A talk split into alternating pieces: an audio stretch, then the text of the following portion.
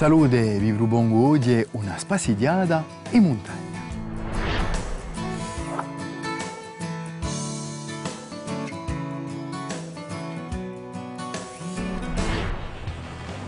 A Corsica è una montagna in Deu mare. Se parole famose di un geografo tedesco Ratzel sono adoperate spesso da presentare a geografia di a Corsica. È vera che quando si parla di a Corsica viene subito a mente l'idea di montagna. Che lo sia per i più anziani, che a montagna era un luogo di pastori, o anche pure per i più giovani, che gime sono diventate luoghi turistici. Ma innanzitutto c'è sempre tenere a mente che la montagna corsa è un sito da preservare con una ricchezza biologica tamanta.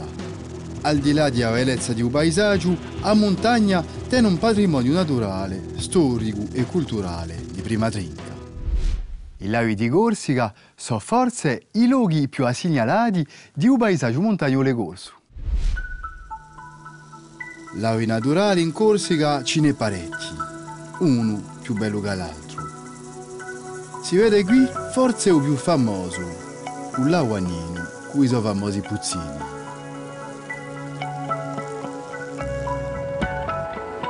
Ma oggi a nostra spassidiata in montagna si varrà da Crena a Camputile.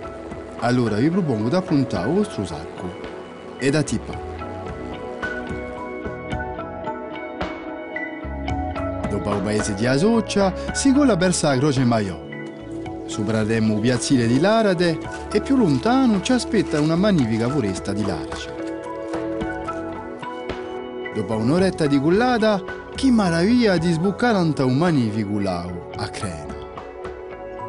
D'origine ghiacciaria, Crena faceva parte della comune d'Ortu e situato a 1300 metri d'altitudine. La sua superficie è di 2,4 ettari e 6,5 metri di profondezza. È interessante dimenticare una delle particolarità di un lago e suolo di Corsica adesso è vinto da una foresta di large. Nanto in giro al lago a biodiversità è tamanta.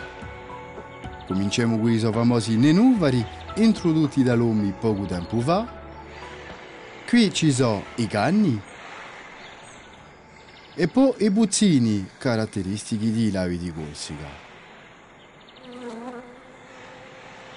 Per ciò che tocca agli animali si vede spesso navigare come un batteluccio un mondiabiombo.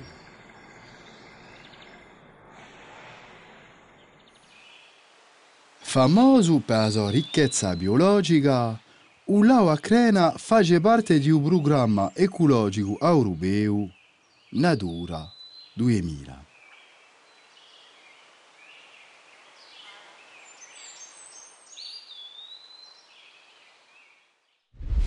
A montagna è sempre stata un rugione dove arrivano i pastori. Dopo una stonda passata in crena, piemu già si perdeva occa d'acqua cernente in direzione di Camputile. Un'ora dopo francata occa d'acqua cernente e così unti in Camputile. Areame di innamorati della montagna che li siano pastori o buru marchiatori. Un vero paradiso per gli animali e per l'uomo. Un luogo d'incanto. Troviamo wow piazzile di Avacaggia a 1500 metri d'altitudine. Ci aspetta qui l'ultimo pastore di un luogo, un Iurincu Nadare Donati. Alla crocevia di marchiatori ci stavano negli anni 50 una quarantina di pastori. Natale o Cabradio ha pigliato il seguito di udinto di Jacomo Luciani, che era un pastore di un luogo fino agli anni 90 e si può dire a memoria di Camputile. Natale è uno degli ultimi pastori a fare ciò che li chiamano a montagniera. Baladì a culà e a sta i suoi animali in montagna quattro mesi da giugno a settembre. C'è da dire che in montagna c'è da pace più cambiata. Ma agli anni d'oggi, qual è che da sta quattro mesi in montagna senza telefono né elettricità? Natale, Mugneso capre a mane a sera e face uso a formaggio che lo vale una volta a settimana in uso paese in casa Maccioli o che lo vende a visitatori. E così che pianamente beppono campare insieme due attività, un pastoralismo e un certo turismo. Forse un'attività da sviluppare. Dopo la creazione di Ucervin e lo 72, a montagna è diventato un luogo di turismo.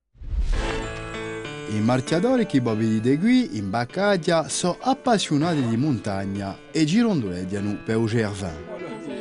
È l'alpinista Michel Fabricant che ha iniziato l'idea di un primo ghiaccio attraversando le montagne di isole da un nord a un mezzogiorno. In 1972 lo scopo era di creare un percorso sportivo difficile assai. Con l'aiuto di un parco naturale regionale di Corsica, che ha nitato e marcato i ghiacci e costruito i rifugi, a marcia in montagna si è sviluppata.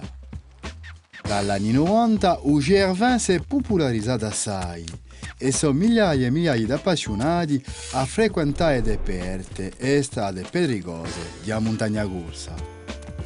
Si parla oramai di turismo verde.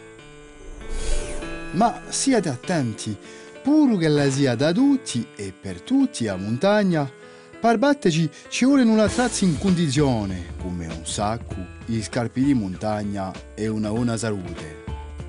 La nostra aspasigliata è quasi gonfia, però è tempo per noi di divarà. Ramentiamoci. Si dice che a Corsica è una montagna in del mare. Terra di pastori, a montagna è diventata di nuovo un luogo di turismo. A presto.